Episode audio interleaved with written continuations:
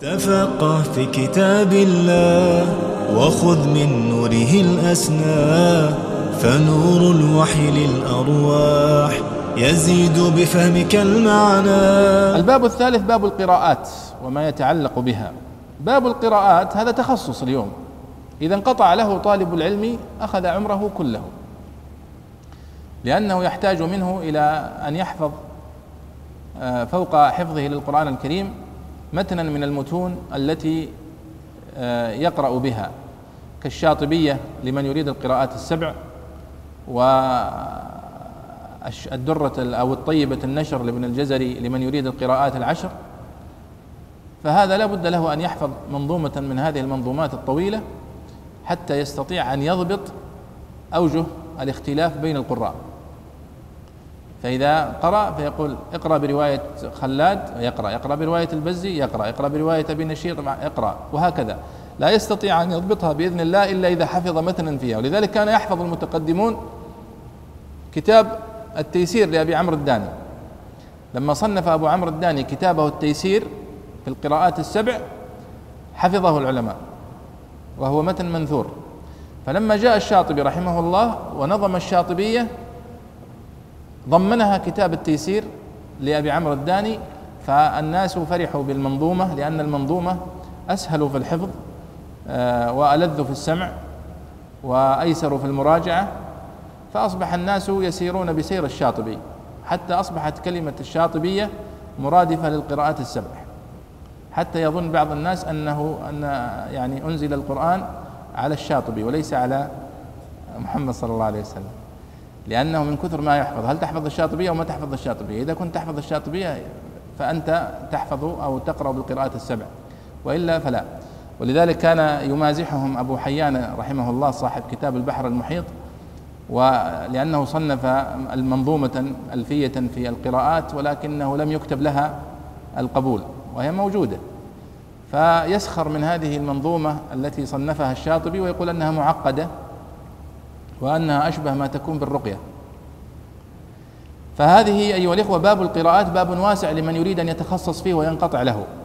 ولكنني قد انتخبت لكم أنا كتبا لا يستغني عنها طالب الدراسات القرآنية لكي يعرف كيف نشأت هذه القراءات والتعريف بالقراء السبعة واصطلاحاتهم و وما يتعلق بكتبهم ومناهجهم وما صنف قديما وحديثا.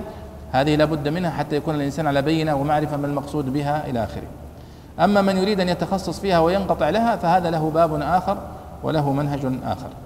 أول هذه الكتب أيها الإخوة كتاب مقدمات في علم القراءات. مقدمات في علم القراءات. للدكتور أحمد خالد شكري وزملائه.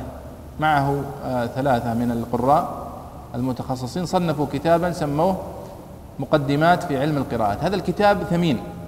يصلح لطالب العلم يقرأ فيه المقصود بالقراءة والفرق بين القراءة والرواية والطريق والتعريف بالقراء السبعة والعشرة والتعريف بأبرز ما صنف في القراءات قديما وحديثا وما الذي ينبغي على طالب العلم أن يقدمه وأن يؤخره من هذه الكتب للمتقدم وللمتأخر فهذا كتاب سهل ميسر سهل العبارة ينفع طالب العلم نفعا عظيما في التعريف بالقراءات وما يتعلق بها.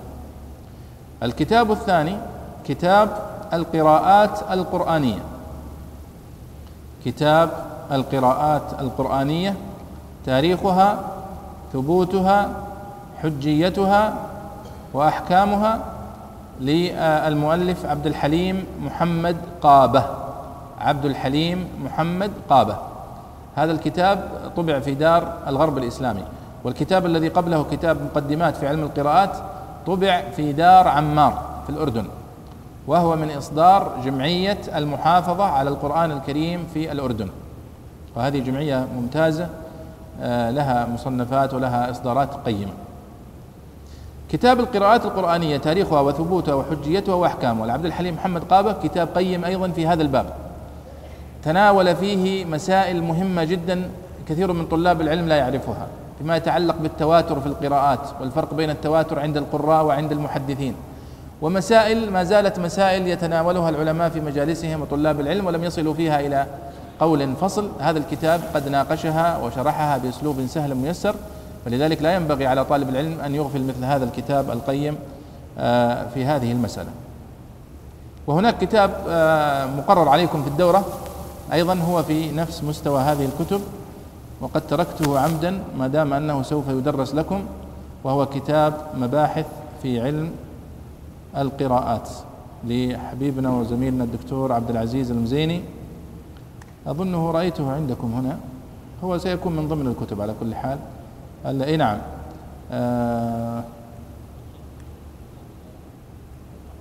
والله ما أدري وين هو. بعد القراءة ها؟ أيوه نعم. آه المهم أنه يدرس لكم مباحث في علم القراءات للدكتور عبد العزيز المزيني. هو أيضا آه تناول نفس هذه في هذه الكتب. نعم مباحث في علم القراءات أحسنت. مباحث في علم القراءات للدكتور عبد العزيز المزيني نفس الفكرة. ذلك أنا اغفلته من القائمة لأنه سوف يمر عليكم. هناك الكتاب الثالث المهم جدا فيما يتعلق بالقراءات وهو كتاب توجيه مشكل القراءات العشرية الفرشية. توجيه مشكل القراءات العشرية الفرشية للدكتور عبد العزيز الحربي. هذا الكتاب تكلم عن مسألة مهمة لطالب العلم والدراسات القرآنية وهو مسألة توجيه القراءات.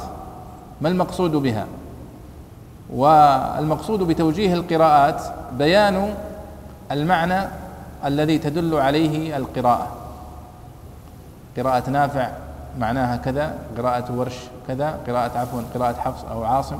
فمثلا على سبيل المثال وانظر إلى العظام كيف ننشزها. هذه رواية عاصم.